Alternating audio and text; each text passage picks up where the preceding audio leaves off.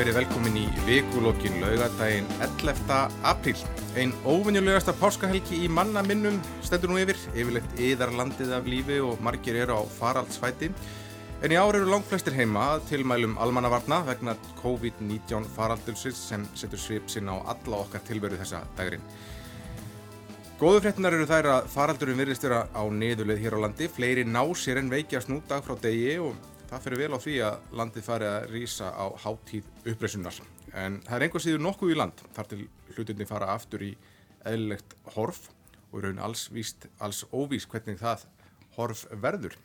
En hinga til ræða þetta og sjálfsagt sikvað fleira eru komnir þrýr góðu gestir eða tveir eru komnir og einnir í símanum hingaði hljóðveri efstaliti eru þau Bergur Eppi Benediktsson Rittumundur, framtíðar, fræðingur, uppistandari og, og, og sikvað fleira Ragnhildur Kristjánsdóttir, dósend í Sakfræði við Háskóla Íslands sérsýði þennar er stjórnmála og hugmyndarsaga á 19. og 20. stöld og á línunni er sér að skúli Sigurður Ólafsson, sóknaprestur í Neskirkju, verið velkomin Takk, takk, takk. Um, eins og má kannski heyra á þessu gestafali er meiningin í dag að líta svo litið aftur og bakk áfram og, og inn á við. En við skulum byrja þér skúli. Páskarnir eru auðvitað helgasta hátíð Kristina manna en kirkjulandsins þær eru tómar þessa dagurinn eins og önnur samkomi hús hvaða áhrif hefur þessi faraldur á ykkur í kirkjunni? við erum hérna uh, ekki þau sem haf, höfum orðið fyrir mestu skada, það sé nú alveg sagt svona upphafi, við erum, erum ekki uh, búin að missa framfæsluna eins og margir og, og, og höfum það að mörguleiti miklu betra heldur en margur annar núna. En að því sögðu þá er þetta tómlegt, einmannalegt og grátlegt. Við höfum uh, auðvitað gert í okkar á, áallunum ráð fyrir miklu fjölda, miklu gleði og, og miklu tilfinningum eins og er alltaf á þessum tíma ás en við höldum nú okkar striki einhverja síður, við erum með messur eða, eða helgistundir á þessum tímum sem venjulega hefur verið í bóði dagskrá í kirkjunni, við vorum núna í gær klukkan 11 með Guðsjónustu eða svona helgistund á fyrstu deginu langa. Og það komu tíu. Og í fyrramáli klukkan 8 þá erum við með erum við með eh, svona pás, páska samveru sem við hvetjum engan til að mæta í en Nei. við náttúrulega viljum ekki gerast lögbljótar eða tefla heilsu fólks í hættu en við hins vegar viljum ekki að þau sem kannski vilja ganga inn í kirkju og klukkan 8 á páskadagsmórni komi að luktum dyrum og læstum. Mm -hmm. Við erum þarna inni, stengrimur á orgelinu og ég fyrir fram hann alltarið og, og reynum að hérna taka vel á móti þeim fáur sem koma og bjóðum þeim síðan upp á kaffi og konfekt og eftir. Mm. Þannig að við svona höldum eh, rittmannum eins og við höfum gert undanfærin ár en þetta er náttúrulega bara fáment og, og, og, og einmannalegt. Svo Já, náttúrulega en, stóra en, breytingi líka fermingarnar. Það, það, við erum nú ekki einn sem höfum gert áform um þetta vor fólk er búið að gera rástafanir um að halda miklar veislur og, og mikla hátíð þegar að börn fermast. En þetta býður allt til höstsins Já, það verður eitthvað, eitthvað skrítið við þá tveilugsun að borða kransaköku og bröðtertu að hausti til. En, en, já, en lífið gengur auðvitað þrátt fyrir allt sinn vanaganga því að einhver leiti börn fæðast jú og, og fólk deyr og þessi faraldur hefur áhrif á útfæri til dæmis. Það er það er náttúrulega alveg þingraðin tárum taki sko. bæði náttúrulega það sem fólk andast af völdu veirunar þessir einstaklingar sem hafa fallið frá uh, það sem að stranga reglur gilda um umgengni við fólk og, og eins þegar kemur á útförunni þá eru örfáir viðstatir og, og, og kistan lókuð við kistulagningu ef að, ef að þetta er ef að andlátið er vegna COVID-veirunar þannig að það sem hefur verið gert er það að það er haldinn látlaus aðtöfn með nánustu aðstendendum og, og bálför og síðan þegar að sól hækkar á lofti og við getum farið að, að hittast aftur að þá verður þá býður bara fjöldi minningar aðtapna þar sem að, að við hérna komum saman og, og, og hópurinn kemur saman og væntarlega býður til erfiðrykju og og verður þetta klassíska minnstur sem við erum vön á Íslandi þar sem að æfi ferið fólks er rakinn og, og, og svo setjast allir niður og eftir og fá sér kaffi og, og faðmast og takast í hendur eins og við erum vön. Og svo er farið í kirkjugarðina því loknu og duft gerir sett niður. Þannig að þetta verður svona tvískipt hverju, hverju fellið allt saman. Þannig að hérna þannig verður það nú með útfarir Já, prestar uh, eru líka sáluhjálpar að leita margir til kirkjuna sem bara líður ítla og því um líkt. Hafa margir haft samband til dæmis bara þig? Verður þú varfið það að fólki, fólk sé kvíðið eða, eða líði ítla af einhverjum sökum í þessu ástandi? Og sko, ég hef haft samband við fólk. Við erum með nöfn eldri borgara sem að sækja starfi hjá okkur og ég hef hringt í þau og heyrti þeim hljóðið og þetta er svona, það má alveg líka þessu við umsátur. Fólk er sem komið er á efri ár hefur auðvitað miklar áhyggjur og óttast að verða fyrir smiti því að það eru auðvitað í miklu meiri hættu heldur en yngra fólk. Þannig að þau hafa miklar áhyggjur og, og hafa mörg hver líka kannski þessi blessuðu samfélagsmiðlar eru, eru dærastitting og, og tenging við annað fólk en eldri borgarar eru ekkit endilega þar inni. Mm. Þannig að það, það er mikið álag, mikið andlitt álag á því fólki mm. og svo hefur við svona, ég er svona borið saman bækur mína við kollegana og þeir tala náttúrulega um það að það er ekki, ekki mikill erill á þeim á þessu sviði mun minna heldur en hefur verið þar að segja að fólk er ekki mikið að koma í, á fundera en Nei. símtöl og, og samskipti með öðrum hætti eru, eru nokkur og, og svo vænta, vænti fólk þess að það muni verða ansi mikið álag þegar síðan kannski samskiptum þegar samskipti verða greiðari og fólk getur farið að mæta því mm. svona áfall eins og þetta getur auðvitað haft uh, sko fyllt fólki lengi eftir og, og, og byrtir ímsar óþægilega hliðar á, á sálartetturinn okkar og þannig að það kann að fara svo að það verði eftirkostin verði nokkuð laung og langvarandi mm. uh, Ragnir, þú ert sakfræðingur og það hefur mikið verið hamrað á því upp á síkast við séum að lifa fordæmalesa tíma. Og það er ekki svo oft sem maður er inn í einhverju ástandi sem maður veit bara fyrir vista er sögulegt að þetta er einhver atbyrður sem eru minnst um áratugi og jafnvel lengri tíma og jafnvel, verður einnig að bauta steinum bara sögunar um, stundum haft þetta mark tvein að, að, að sagan endur takkis ekki hún heldur hún rými, getur við sett atbyrðuna í dag í eitthvað nærtækt sögulegt samhengi? Já, já, það er mjög margt sem kemur upp í hugan uh, auðvitað spænska veikin fyrst og fremst og ég held að sé kannski alltilega að rifja það upp en einu sinni hversu dramatískir þeir atbyrðið voru hérna í Reykjavík sérstaklega. Það dói held ég 500 manns á Íslandi í Spænskoveikinni og ef við heimfærum það upp á mannfjöldan í dag þá væri það 2000 manns sem að dói og þetta gerist á mjög skömmun tíma. Eh, það, veikin kom hingað í oktober 1918 og eh, í november er allt undirlagt hérna. Og það er verið að, að, því, að því að skúli er á línunni þá hérna langaði minn var, var eh, domkirkjuprestur þegar þetta var.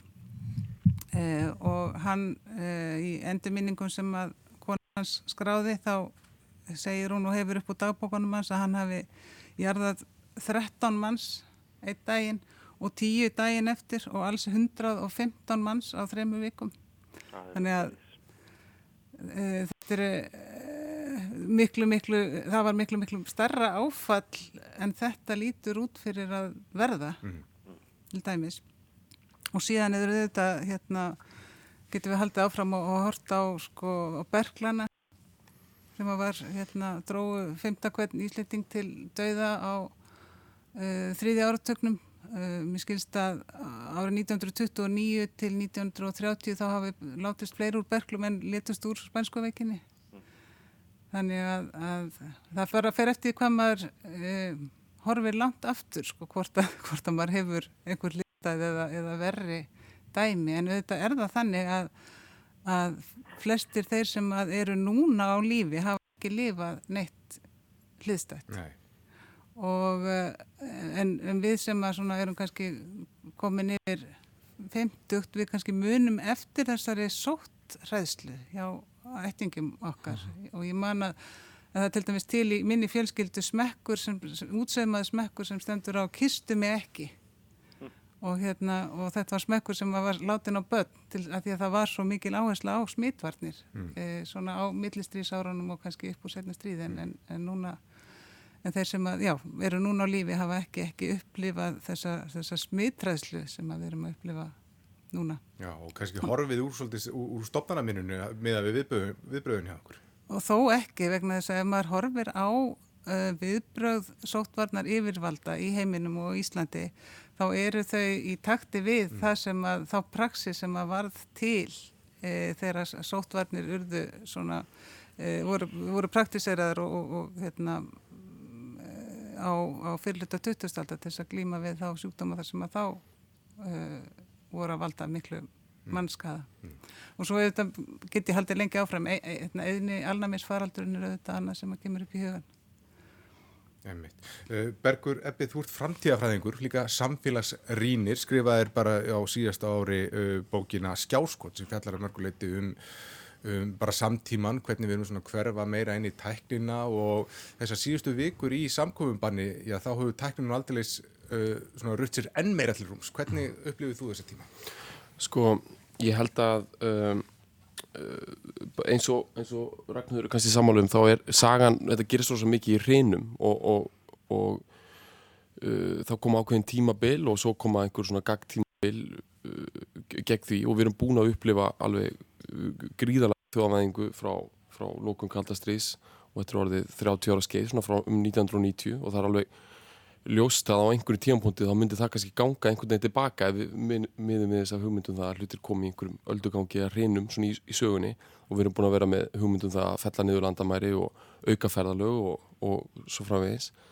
Og það er náttúrulega búið að leggja svolítið á borð, það er svona búin að vera ákveðin teikn undanferðin ár um það að kannski sé þessi gengdalösa alþjóðanvæðing að fara líðundur loka á einhverju tíampunkti eða svona aðeins að minka, hún er smá rénun og það er aðalega kjör svona populista uh, eins og í Ameríku með Donald Trump sem er með þjóðnis tilbyrði og svo Brexit og, og svo bara upprýsa Kína og, og svo hu, hugmyndafræði hvernig þú kemur inn í alþjóðaviskiti á þann hátt. Á sama tíma á þetta sem er að gerast núna er kannski að fara er svona ákveð uh, um, já ákveðin svona vendipunktur mögulega í, í þvíferli þar sem þessi gengdalusi alþjóðanæðing er svona í smá reynun uh, þá erum við samt að fara inn á inn í annan heim sem er ekki alþjóðanæðingi sama skilningi og við erum búin að upplifa síðustu 30 ár með endalösu ferðalöfum og svo framins heldur er það í rauninni bara þessi uh, það sem verðum að hlaða okkur mannfólkinu sífælt meira inn í það sem við getum kallað skýð mm. og mér finnst einfaldast að útskýra þessa hugmynd með skýð Uh, sem er þessi hugmyndu um það að við getum nálgast allar upplýsingar hvar og hvena sem er og í þessari sítengingu getum við verið í sambandi við fólk hvar og hvena sem er og sótt ákveðna þjónustu hvar og hvena sem er. Mér finnst, þó að virkið kannski langsvætti fyrstu best að útskýra þetta með líkingunum við það að undafarin hundra árið að svo og jafnvel mun stittri tíma að við turum bara um Íslands samfélag höfum við verið í þessu ferli sem er sveit í borg. Við erum að fara á sveitasamfélagi og landbúnaðarsamfélagi í í, til dæmis í Evrópu og svona mörg hundru ára ferli en á Íslandi gerist þetta svona frekar hratt og frekar harkalega og það endur speglast í menningu okkar og við erum enþá í ákveðna áfalli ákveðna svona eftir sjokki, eftir bara það að vera allt í hennu farið frá því að vera landbúnaðsamfélag að vera borgarsamfélag og við neytum þjónustu og við sinnum aðtunugreinum og fleira á allt annan hátt eftir við flýtum í borgina. Og flýtum náttúrulega aldrei 100% í borgina, sveitar samfélagina þó til Uh, ég vil meina á síðustu kannski 10-15 árum erum við hægt og rólega búin að vera að fara frá borg í skí og svo kemur það náttúrulega í stórum stökkum líka. Og það sem við erum að upplifa núna er gríðarlega stórt stökk. En munum, þetta mun ekki raungerast að fullu fyrir nýjar kynsluður sem að þekkja er ekkit annað en þennan veruleika. Þeirra börnun okkar sem er í Google Classroom núna og tóku bara fjarfundi sko, í kennslu í einhvern hluta af æsku sinni verða fullorinn og hvernig þau hugsa síðan allt atvinnulífið og alla þróun og fleira þá erum við að fara miklu meira í þetta. Og þetta er samt mótvægi við, við minkandi alþjóða higgju, að því að ég, ég, ef ég tala bara fyrir sjálf mig, ég hefur og undanfjöndum vikum tala meira við fólk sem ég þekki í útlöndum heldur en ég hef gert sko marga mánuða ár mm. fram að þessu, að því allt innu er einhvern veginn orðið sjálfsæðana og ég er jafn sjálfsagt að tala með einhvern í annari heimsálfu heldur en einhvern sem er í næsta húsi út af því að við erum í rauninni alveg við sama borð á því leiti þannig á sama tíma og þessi alþjóðamæðing er kannski að líðundu lók þessi svona á, já, á, ákveðin tegunda alþjóðanæðing, þessi post-kaldastrís alþjóðanæðing, þá erum við samt að fara inn í eitthvað sem er kannski ennþá uh, já, felur í sér ennþá meiri uh, niðurbrót múra á einhvern annan hátt. Mm. uh, Eitt sem ég langar að, nefna, að ræða er kannski tröst, hugmyndunum tröst og hérna á Íslandi hefur ég gengi mjög vel að, að mynda tröst við til dæmis á þessu þrýeiki sem hefur komið fram sóttarnarleiknir, landleiknir og, og, og yfirmaður almannavarna sem hafa svona stýrt för hérna og þetta já, kemur kannski ánægilega óvart ég ljósi bara ástandsins undanfærin áratögu eða svo skúli, hvað, hvað hefur tekist vel að byggja það upp? Já, mér finnst náttúrulega ég bara deili aðdáðun annara með, á, á, á þessu þrýeiki þau hafa verið náttúrulega fyrst og fremst bara staðið sér frábælega og það er svo einstakt að fá þessa þessa aðila þarna einn sem að hafa talað á þessari yfirvögun og svo augljóslega með almannahag fyrir brjósti. Það er kannski svo það sem að vantröst hefur einkent Íslands samfélag að það er einmitt það þegar menn óttast að það séu einhverjir einhagsmunir sem ráði för frekar heldur en almannahagsmunir. Og þetta fáum við e, sérfræðinga hvert á sínu sviði sem að kemur augljóslega með, með þessa, hérna, þetta agenda að minka þann skada sem að af þessari veiru kann að hljóta, hljótast og, og þetta er, er bara ávísun á það að fólk er tilbúið að, að fylgja þeirra leiðsögn og sem, sem kemur fram í stóru smáu og, og það er bara eitt af því jákvæður sem við getum tekið með okkur eftir hennan tíma mm. að, að þessi árangu skildi nást. Og eins og Bergur Eppi var að nefna Trump inn á það að bera saman uh, þeirra erindi við okkur til dæmis með það sem bandaríkjumennum er bóðið upp á að þetta er bara svart og hvít uh, Trump gefur út innihaldslaus lofórð og væntingar sem að bregðast að næsta dag.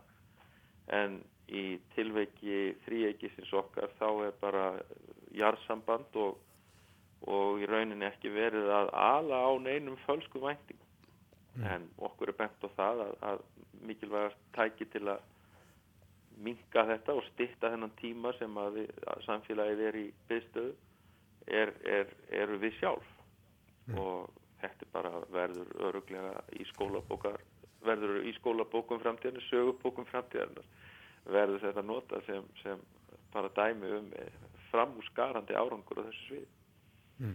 Uh, Ragnar, það er, já, hefur greinlega reynst spakli ákvörun hjá, hjá stjórnvöldum með ríkistöndinni að, að stíga svona, draga sér í hlið og láta eftirláta sviðið bara sérfæðingum. Já, við erum að tala um tröst á mörgum plönum. Uh, Íslensk stjórnvöld ákveða að treysta vísindamennum og uh, vísindamenninni tala eins og þeir treysta almenningi, treysti almenningi og, og það gera stjórnvöld líka. Þannig að þetta eru kannski þrýr aðilar að þessu. Það er almenningur, það er, það er vísindarsamfélagið eða, eða sérfræðingarnir og svo er það stjórnmála fólkið. Og það virðist hafa tekist á Íslandi að halda trösti á milli þessara þryggja aðila, ef við getum sagt sem svo. Þannig að það er tröst á milli almennings og sérfræðingarna, það er tröst á milli sérfræðingarna og stjórnmálamannana og það er líka virðist vera afleggingin svo að það er aukið treyst á milli e, almennings og stjórnmálamanna.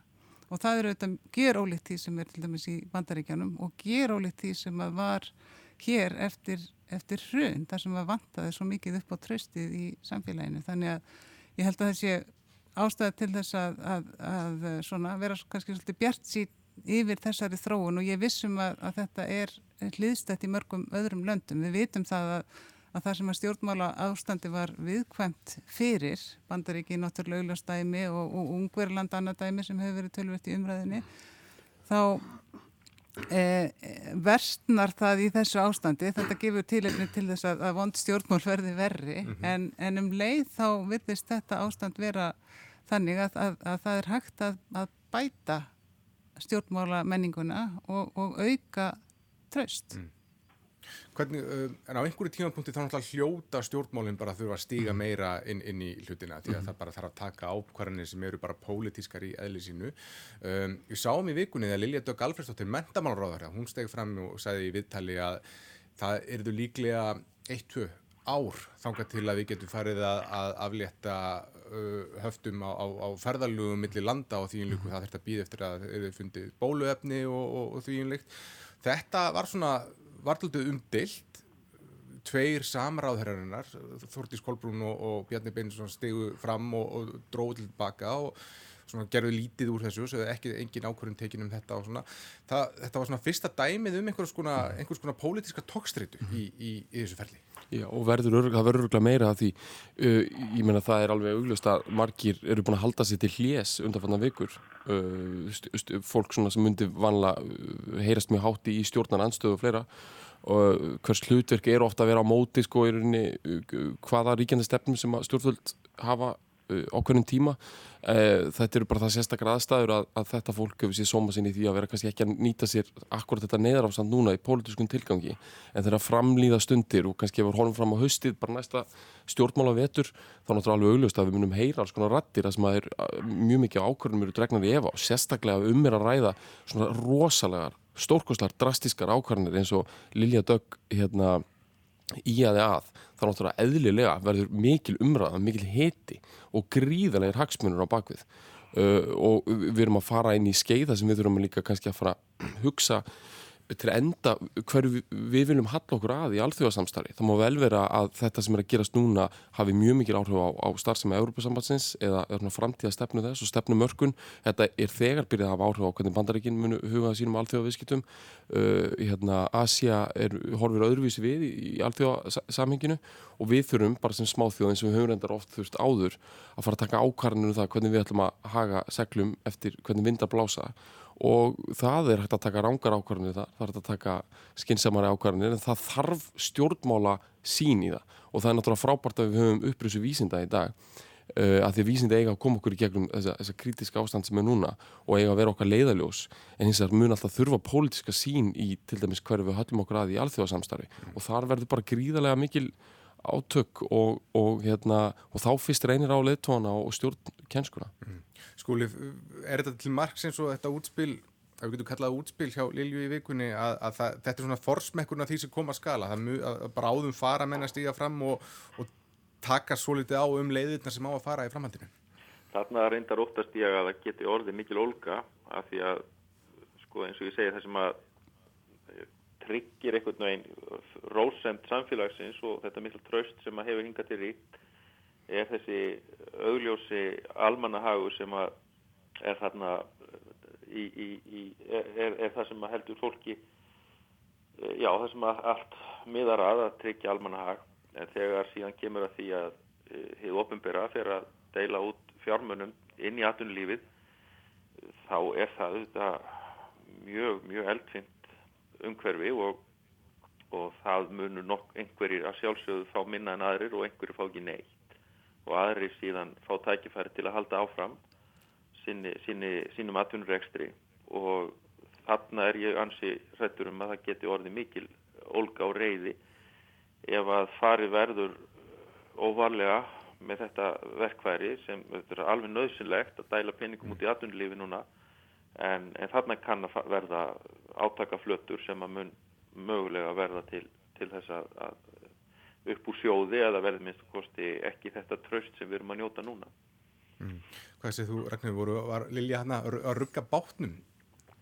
Já, mér sínist það að hún hafi kannski verið að tjási um hluti sem að e, samstagsfólki hennar fannst ekki heppilegt, hún var að tjási um og hafði ekki verið rætt eða, eða og hérna, e, mér síndist það svona á, á viðbröðunum að þetta var svona, já, þetta var kelt niður strax já. og hérna en, og auðvitað er þetta alltaf svona getur við sagt fristing hjá stjórnmálamönnum að, að, að segja sína skoðun og, og hætta að, að fylgja því sem, línunni sem að hérna, samstarfsmenn hafa lagt eh, en, en já og getum... e ekki endilega vegna þess að þetta var ekki endilega rámt sem hún var að segja heldur einfallega vegna þess að það verist hafa myndast annars konar protokollum að að láta sóttvarnalækni eftir því að, að taka svona ákvarðanir eða eitthvað slíkt.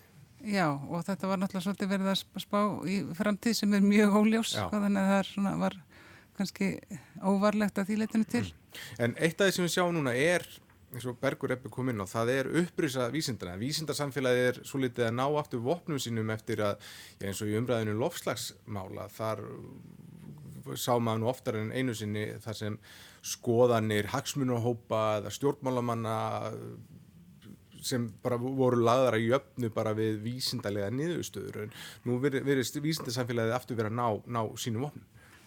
Já, það verist vera og, og það er eitt sem að við, við erum ekki búin að tala um hérna reyndar Bergureppi komaðis inn á og það er alþjóðasamfélagið og alþjóðastofnanirnar og það er svona spurning hvort að við eigum að vera svart sín eða bjart sín varðandi hlutverksaminuð þjóðuna, alþjóða helbriðistofnunarinnar og þessara apparata sem að urðu til eftir þetta stóra áfall sem að setni heimstýröldin varð sem að um, að mörguleiti virkaði mjög vel og, og hefur, ég held að sé nú margir samfálum það að það sem starf sem þar var og hefur verið unnið hefur verið mörguleiti mjög gott.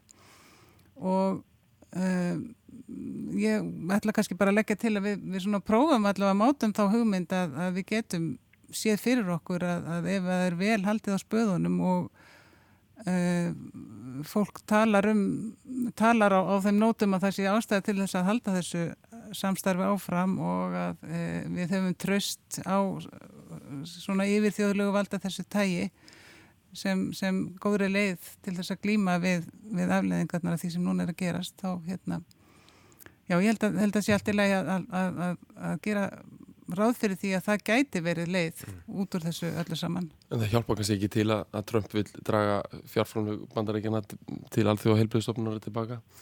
Nei en ég, ég held að það sé stundum holdt að, að gleima hugsun Trump. það, er sem, það, það er nú eitt sem verðist líka verið að gerast. Það er að myndast einhvers konar, ég maður sé örla fyrir svona hugmyndafræðilegu kaplöpi að, að það er eitthvað tómarum sem kannski skapast um eitt af fjárveru bandaríkjana á, á heimsviðinu og þá, já, þegar myndast tómarum þá vil einhver fylla það og Kína sem ber sér svolítið á brjóst og segir leiðin sem við förum, hún er svo rétta og þar eru við með alræðisríki sem það sem er mikið stafrænt eftirlitt og, og þeir svona berja sér á brjóst og segja þetta er leiðin til þess að sigrast á þessum vírus. Og svo koma auðvitað sjáu aðra þjóður þar sem populismi er að, að ungverja land til dæmis sem er orðið bara einræðisríki og, og svo eins og við vitum ekki hver afdrif Evrópusambandsverða þannig að það er mikið, það er mikið í húfi Ragnhildur. Já og ég hérna núna ég aftur að vera bjart sína konan í, í bóðinu Ég held að við ættum sérstaklega bæði að, að prófa þess að hugsa um heiminn án Trumps og líka kannski að taka þetta þessa sko þessa, þennan fókus á, á Kína og allræðið líka út fyrir svig og hugsa um það hvað, sko, hvað stendur þá eftir mm -hmm. ef, við, ef við tökum ef við, ef við sendum eh, Trump fram aðeins og, og Kína aðeins líka tökum það aðeins út fyrir herrbreggið hvað stendur þá eftir? Er, er það á ekki eitthvað sem er -hmm. gott og við getum unnið með til þess og, og er ekki hægt að skapa aftur tröst og, og yfir þjóðlegt samstarf sem getur hjálpað okkur bæði til þess að glýma við það sem að e, núna, þess að vá sem að núna stæðjar að og líka þetta umhverfismálinn þegar, það að kemur. Þetta fæði maður þess að hugsa eins um það að, að þessar alþjóðstofnarnir verða til eftir setna stríð og hérna, alþjóðabankin og, og alþjóðagjaldriðsjóðurinn eru með hugstofar í bandaríkjunum í Washington en svo er al, eh, alþjóða heilbreyðstofnunin, hún er í Sviss eða ekki uh, hérna, mér finnst þetta svolítið áhugavert sko ef að núna er við að fara, bara bandarækjum munu sigla sinsjó, þá með að þau bara eiga þarna, þarna gældir í sjóður og World Bank og það dót sem kom eftir stríð, við ætlum að halda hérna vísindasamstarfinu áfram. Hérna, alþjóða heilbreyðstofnunum verður svona hluti af okkar heimsmynd að meðan hitt siglir sko, ég bara hugsa hvort að heimsmyndin einhvern veginn brotnu upp þannig. Mm. En, en við vorum á þessar alþjóðlegu stofnunni sem verða til eftir stríð og einmitt njóta mikil ströðs þá er það mjög, að miklu mjög leiti bandaríkinum að þakka. Bandaríkin á, á þeim tíma auksluðu ákveði fórustilhutverk og hafðu frumkvæði að því að koma þessum stofnunum á legg og gáðu um gildi. Í dag aftur á móti sjáum við ekki þessa fórustu úr þeirri átt og Kína er auðvitað algjörlega óskrifa blad. Þannig að ég er svolítið óttast legin um það að við höfum ekki þessa fórustu sem gerur okkur kleift að, að tryggja þessum alþjóðlegu stofnunum og þar með kannski alþjóðlegri vísindahyggju sem að ég held að sé algjörlega nöðsynlega til þess að við getum komist á betri stað, ekki síst í umhverfismálum. Ég held að það sé bara ekki, ekki sá aðildi staðar í, í, í þessu heimsamfélagi sem, sem getur veitt okkur þá fóristu og það er auðvitað mikið áhugjefni að við viljum vera bjart sín þá á ég mjög erfitt með að sjá hver kemur til með að leiða vagnin í þeirri vinnu. Mér okkur að skjóta eitt inn í hérna vanandi Ameríku hérna að þetta er alveg rétt að sko Amerík stjórnvöld kannski hafa ekki hérna mikla áhuga á alþjóðamálum eins, eins og áður og ekki þetta fórustu hlutverk eins og eftir setna stríð. Hins er má ekki gleyma að eitt af því sem er mest leiðandi í heiminum í dag hvernig samskipt okkar er hátað og, og, og upplýsingum er dreift eru stór tæknifyrirtæki Uh, fyrirtækin sem að Google og Facebook, samfélagsmiðlarnir og leitavélanar þetta eru stórun hluti til bandarísk fyrirtæki sem hafa verið á önduru meði við Amerísk stjórnvöld alveg frá því að Trump tók við og, og svona jafnvel upp einhverjum hugmyndur um það að Kalifornia, því að þessi fyrirtæki eru flest með höfustöða þar, allir bara segja þessu úr ríkjasambandinu í Ameríku og svo framvegis. En maður sér að þau telja sig bera ákveðna ábyrð mm. þau, það kom náttúrulega upp umræða eftir að Trump var, var kosin og líka eftir Brexit og samfélagsins að hérna, Facebook og Google beri ákvæmna ábyrð á því hvernig, hvernig san, san, hérna, upplýsingar dreifast til fólks. Og svo er komin upp svona einhver smá núna, en þú fer inn á Facebook og það fyrsta sem þú sér er coronavirus update verið að reyna að tryggja það falsfrettir þetta endur takkis ekki aftur. Og ég er að hugsa hvort að, bara ég fyrir alveg ég er kannski ólíklegt að búast einhverju frá enga fyrirtækjum sem hafa hag, hérna Uh, hérna, sinna hluttáa að leiðilöfsi en getur mögulega einhvers konar frumkvæði eða eitthvað komið úr þessum geira, úr þessum upplýsingatekni geira að þetta er svo rosalega leiðandi aflið sem við vorum að tala um að eitt af því sem er að gerast núna út af þessari veiru, út af þessu ástandi er þessi upplæðsla okkar allra upp í skíð og allar okkar atvinnustarfsmjög og framvegis er að fara þangað.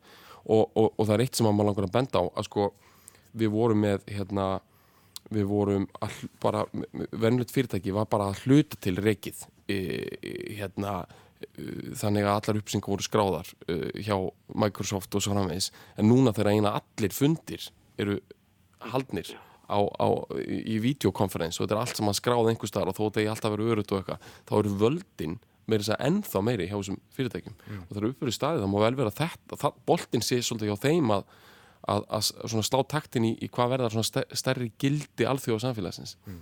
Eh, en sumir tala um að, að þetta sé tími þar sem við erum að gera okkur grein fyrir því að, að við sem að súpa sig það því að hafa talað ríkið niður undanferðin 30 ári eða svo. Ragnhildur Já og þá hérna horfum við aftur til loka setni heimstyrjaldar þar sem að er bara tekin ákverðun um það að ríkisvaldi stýgur bísna stert inn í, það er þá sem farði í að byggja upp þessi velferðarkerfi eftir stíðsárana, helbriðiskerfi víða og ímiskonar samfélagsþjónustu. Og það er það sem þarf að gera núna, ríki þarf að stíga aftur inn í og, og það er spurning hvort að það verði á einhvern hátt varanlegt eða ekki, maður veit ekki það er svo erfitt að nota söguna sem leðsögn en þetta getur tengst, það er búið að vera svona, það er búið að vera fletta uppreysa sósialisma á, á, á Vesturlundum er búið að vera stef sem við erum búin að vera að horfa á í okkar samfélagi og, og víðar. Uh, og sérstaklega eins og þannig í bandaríkjunum bara komin hljómgrunur fyrir sósialisma uh, hvort að þetta getur tengst því að því að uppreysa ríkisvalds og, og svona sósialískar uh, hugmyndir fara saman á ákunnuleiti mm.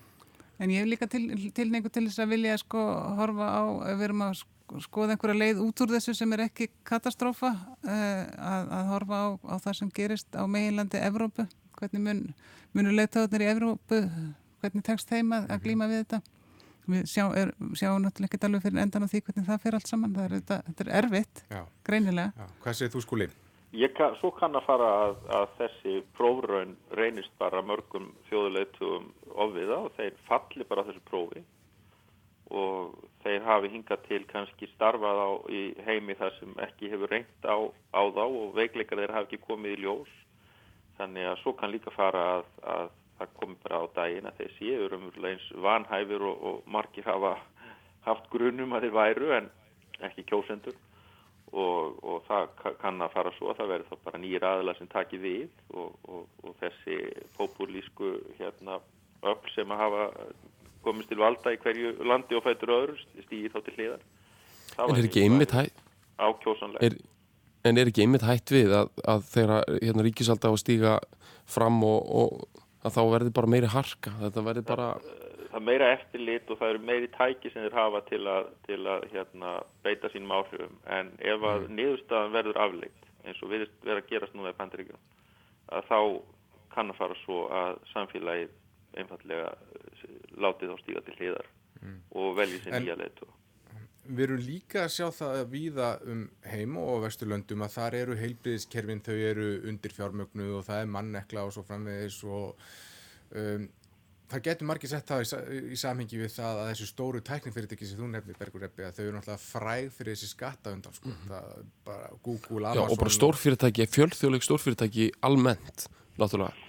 Fyrirtæki sem starfa í mörgulöndum, stórfyrirtæki ég veit þetta er rosalega stórt stór yfirlýsing að koma með, en þau náttúrulega almennt ná að, að ganga þannig frá búa þannig um hnútana, þau borga ekki jafn mikla skatta og lokal fyrirtæki sem starfa bara á einu markað, einu landi það sem stjórnvöld hafa miklu meiri uh, vö- völd yfir þeim og, og ég held að þetta er bara líkillinu ríkis eins og þú orðaðir þetta á hérna, með að við erum búin að tala ríkisvaldið mjög mikið niður sístu 30 ár, við höfum haft rosalega mikla trú á alþjóðanæðingu en það hefur náttúrulega, hún gefur okkur ótrúlega mikið.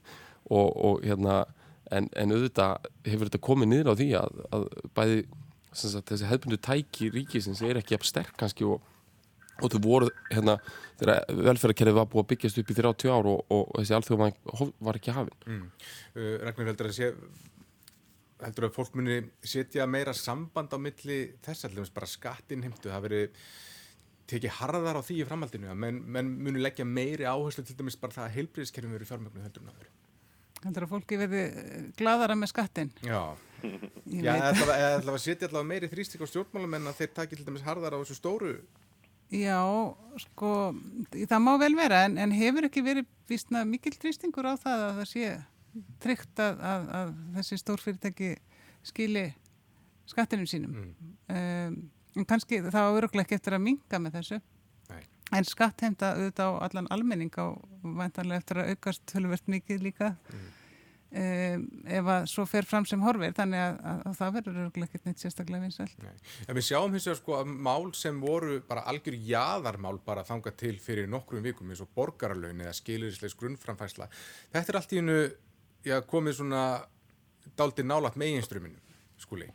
það er mjög heillandi í rauninni að, að velta þeim málum fyrir sér. Ég hérna, ég verði oft hugsa til ömmu sko sem var ná síldarplaninu og syklufyrði með hundruðum annara kvenna og, og, og bátunum voru kallarnir og allt það.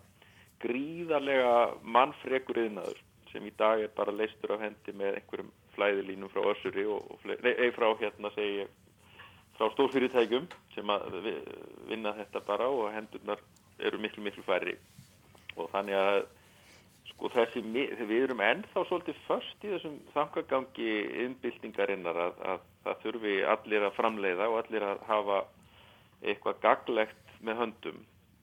En svo erum við bara á sama tíma náttúrulega horfum við upp á það að, að plánetun okkar ræður ekkit við þessa þennan dugnað, við erum að, að ganga mjög nærri öllum auðlindum og, og það þarf ekkit að fara mörgum orðum um það, við vitum hvernig svo staða er.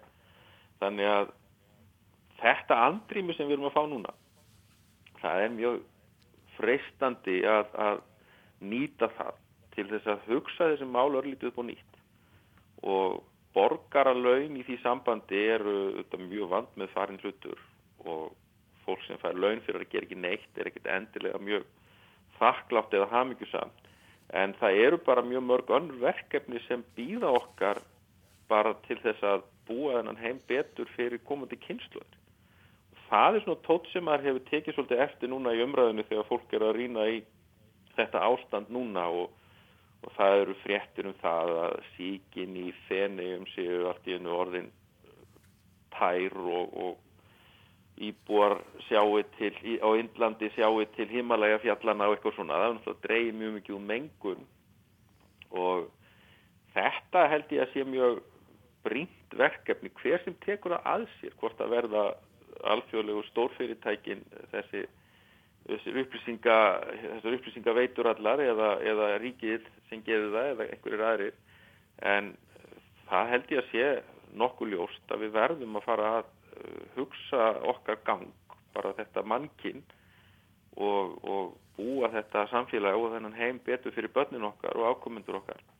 Og að því leitinu til gæti það verið mjög freistandi að reyna að stíga til hliðar og reyna að hugsa málinn með öðrum hætti en við höfum hingað til gert.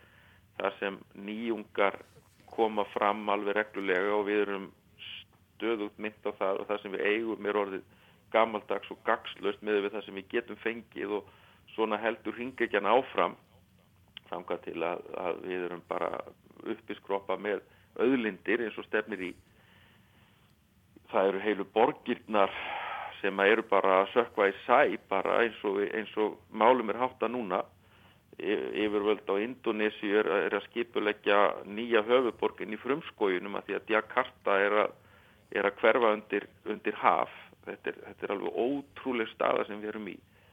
Og, og ég held að það sé einmitt tækifæri núna þegar að samfélagi fer í svona byggstöðu að, að reyna að vinna með öðrum hætti þannig að fólk geti þegi laun en mögulega þá kannski verið að vinna einhvers konar uppbyggingastarf þar sem við erum að reyna að endurheimta þessi náttúrulegu gæfi sem við höfum farið svo óbóðslega ítla með. Þannig að mm. því leitinu til er, er hugmyndunum borgarlun mjög heitlandi.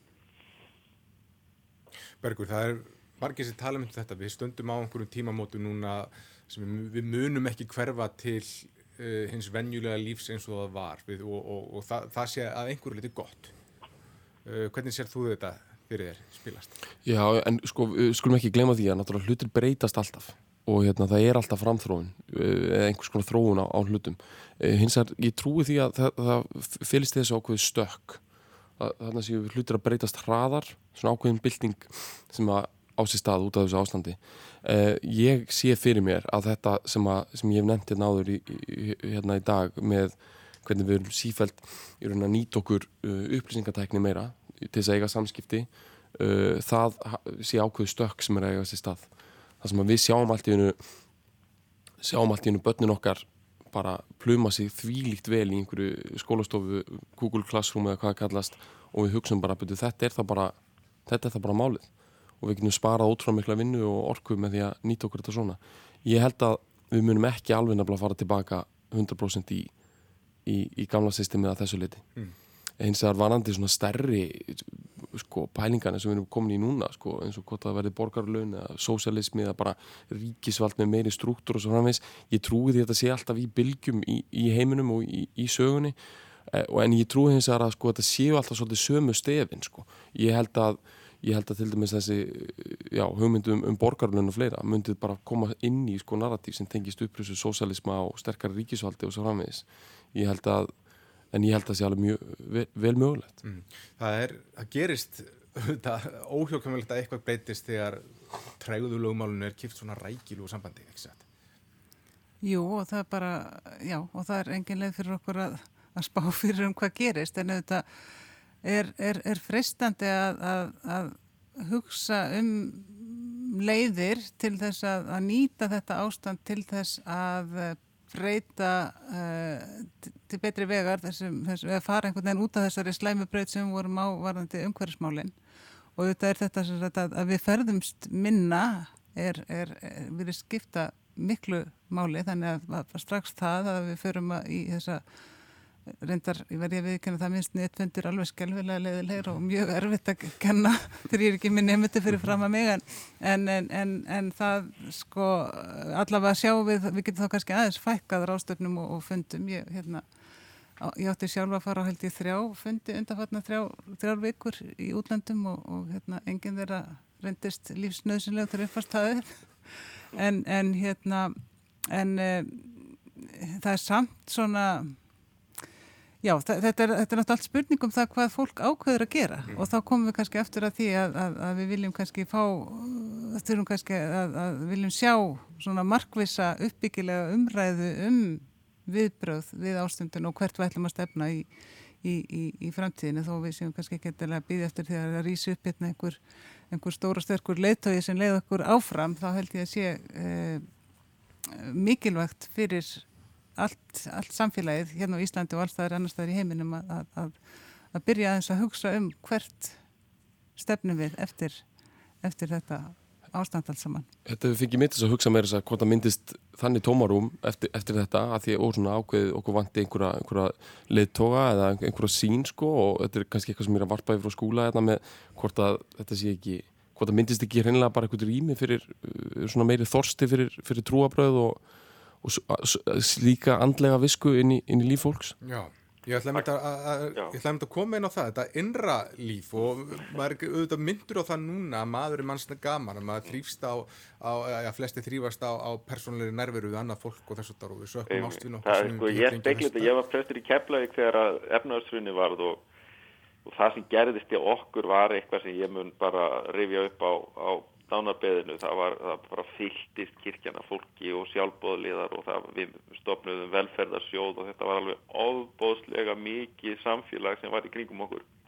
Í dag eins og ég byrjaði þáttin á að nefna er þetta náttúrulega bara einmannlegt og fámenn en hérna ég verð nú að koma því að því að mennur fannir að huga á svona þessum innri málum að í gær var ég að hlusta á Benedikt Kristjánsson tenor flytja Jónusapassjuna frá Tómasarkirkjunni í Leipzig sem að er sko stórkoslut efni og ég er eitthvað skil ekki að hverju rúf streymdi því ekki eða síndi það ekki. En hérna það var einmitt að hluta til með svona fjarfundabúnaði því að það voru kórar í Malasíu og víðarum heim sem byrtust á skjánum allt í einu og, og sumir uppstrílaður og sumir bara í joggingallanum heima hjá sér og voru að syngja hluta af verkinu. Þetta var alveg magnað. Og og þarna náttúrulega bara komst maður svolítið við, bæðir þetta náttúrulega ævintrilega fallit verk og glæsilega flutt hjá, hjá, hjá þessum tenor okkar, nýstjarnar hjá Íslandingum í klassíski tónlist. En svo er líka, ég var þarna í Leipzig fyrir tveimur árum og átti þarna samtal við mann sem hefði búið þarna á sovjetímanum eða tíma Östur, Þískalands og ganga um þá borg í dag það sem er hrein og græn og yðandi af lífi og sögu það, mað, maður gæti aldrei trúa því að fyrir 30 árum var hún í slíkri niðuníslu það var slík mengun og óhaldlust að fólk var farið að flýja hana unnvörpum. Og ég hugsaði með mér þá ég meina það er von risastórar opnar námur sem hafðu áður verið líti á umhverfinu þarna í kringu borgin eru núna útvistarsvæði og vörð og þetta er það sem að maður er að vonast til að gerist á heimsvísu.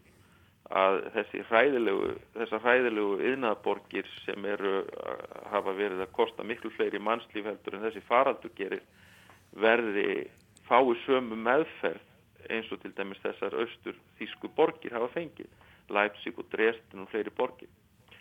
Þannig að hérna og þar er náttúrulega allt byrjar innra með okkur þar kemur bara þessi einlægi vilji til þess að vinna gagn og hlúa að framtíðinni og, og einmitt með virðingu fyrir sögu og, og, og aðri gildum og listum Var það ekki prestur sem að hóða þetta í Leipzig á sínu tíma? Það kann vel að vera Ég, ég minni það að var, sko, þetta var prestur, hann var í gallajakka samt, svona okay. austur þýskur var í gallajakka og gallabuksum og gekk Já, mótmælenda kirkurnar í, í austur Þýskalandi voru upphafið að, að breyta að því að múrin hrundi því þetta byrjaði alltaf bænasamkomum í kirkjum mm. og hérna, þannig að þetta er, þetta er það sem að kann að býða okkar og hver veit nefn að verði prestar eða, eða, eða einhverju leittóðar og mjög óvendum áttum sem að, sem að leiða okkur inn í betri tíma en ég held að ef við notum ekki þetta tækifæri sem við höfum núna og alltaf þá breytingu sem hefur orðið þrátt fyrir gríðarlega þrautir og fórnir sem samfélag hafa, hafa þurft að færa að ef, ef við notum ekki þetta tækifæri þá veit ég ekki hvað við, hver, hvað við getum gert hva, hva, hvað býður okkar sem gerur okkur kleift að, að stíga inn í og búa til betri heim mm. Guðrún Eva Mínurudóttir, hún skrifaði grein í stundina sem fjallaðum það bara að, heimurinn væri að losna úr álugum og skrifaði uh, þar meðal annars núna eru við öll heima hjá okkur að horfast í augu við hver raunveruleg gildi okkar eru og voru allan tíman þótt grimmir töfrar hafi stíð, uh, staði í vegi fyrir því að hennum sönnu gildum væri fyllt eftir. Ragnhjörður, verður þú vörfið það í kringu því að fólk sé að líta svona inn á við og horfast í augu við hver gildi þeirra eru? Ég engan. Þannig ég veit ekki en uh, því fólki sem er í mínu nærum hverfi líður nú bara almennt bísna vel. Eh, en, hérna, en það er endar vil svo til að þetta er kannski fólk sem er vandi að vera dálítið mikið bara eitt við skrifbóri sitt Já. þannig að hérna, það var nú eitt kollegi minn sem að hérna var byrtið mitt mynd af sko fyrir, fræðumæði fyrir plá og, og, og, og, meðan pláan gekk yfir hérna 14. danda pláan og það var náttúrulega engin munur Nei, en, eh, en vonandi vonandi kemur eitthvað gott út úr þessu og vonandi uh, uh, geta margir nýtt þessa tíma til þess að, að ná einhverju ró og hugsa málinn og, og koma með sniðuar hugmyndir um það hvert við stefnum í framhaldinu. En ég held að þetta er því miður mjög, mjög flókið ástand hjá mörgum. Mhm. uh, við búum ekki öll jafn vel þannig að það er örgulega angist líka og sem að áörgulega eftir að hafa slæmar afleðingar Já, þetta eru líka svona forréttindi einhvern veginn okkar Íslendinga þótt að margir svona hafi áhyggjur að liðbröðu sínu að þá erum við nú á heimsvísu nú í bísna góðri stöðu. já, mjög góðri stöð held ég En hvað segir þú, Bergur, um svona andliði þátturinn? Heldur að fólk muni lita meira einrófið? Já, ég held samt að hérna, núna er náttúrulega kjörið tækifæri til þess að mér var svo fyndið sko, ég fekk hérna ég fekk gefins hérna þegar komið út þýðingar eh, óvíðs. Já. og hérna hún er ennþá í plastinu. Og ég hugsaði sko þegar þetta fór í ganga ég ætlaði að lesa óvíð svo fattaði ég náttúrulega eftir smá tíma að þetta voru bara okkur hugruningatengsla því þetta er eins og COVID, Já, rýma við það sko. En hún er ennþá, óvíð er ennþá í plastinu Já. hjá mér.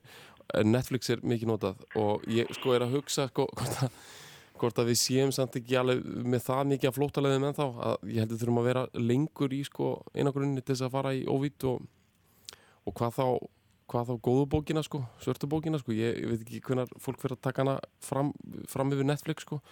Um, þannig að en auðvitað, jú, jú, auðvitað hérna breytir þetta aðeins þangagangi fólks og, og það byrjar að hugsa, ég held að byrja mjög mikið að hugsa um sko samfélagið uh, viljum við aftur gamla samfélagið? Hérna, maður kann að meta alls konar hluti sem að maður fatta ekki að voru mjög mikil lífskeiði fólkin í, en svo kannski saknar maður annar hluta síður mm. áhugavert sem Ragnarður nefndi með það hún, hún saknar þess ekkert að hafa farið í þessar þrjár fyrirleistra ferðir eða rástefnuferðir til útlanda ég held að oft eru svona hlutir sem að maður hefur álitið að sjá ákveðin lífskeiði eru kannski meira vesen heldur en heldur en raunveruleg verðmætti Já, ég held að það sé eitthvað svona arfleði frá nýjunda áratöknum þegar það þóttu ótrúlega hlunnindi að fara í vinnuferði til útlanda sem er orðin aðeins meiri kvöð núna á þessum tímum, tímum meiri ferðalaga sko. hins vegar má ekki gleyma varandi þetta og segja einangrun sem geti uh, verið framundan að einhver leiti að, að það er náttúrulega rosalega mikil gæði og verðmætti í því persónulega frelsi að geta ferðast og geta ráðið.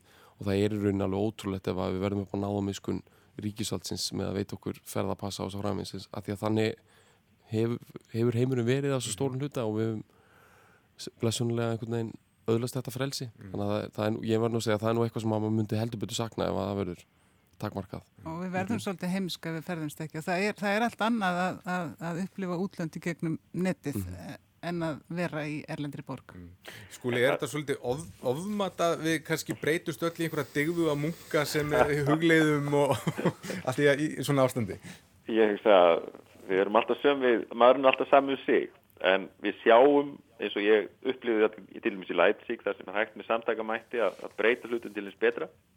Og það eru mörg dæmi um það og það er eitt sammert og það er, það er nú það sem að textarnir í kirkjunni er hamra á einmitt um þetta leiti á síðasta degi förstunar sem er í dag að hérna, þjáningar geta leitt af sér mikla fegur og mikla blessun.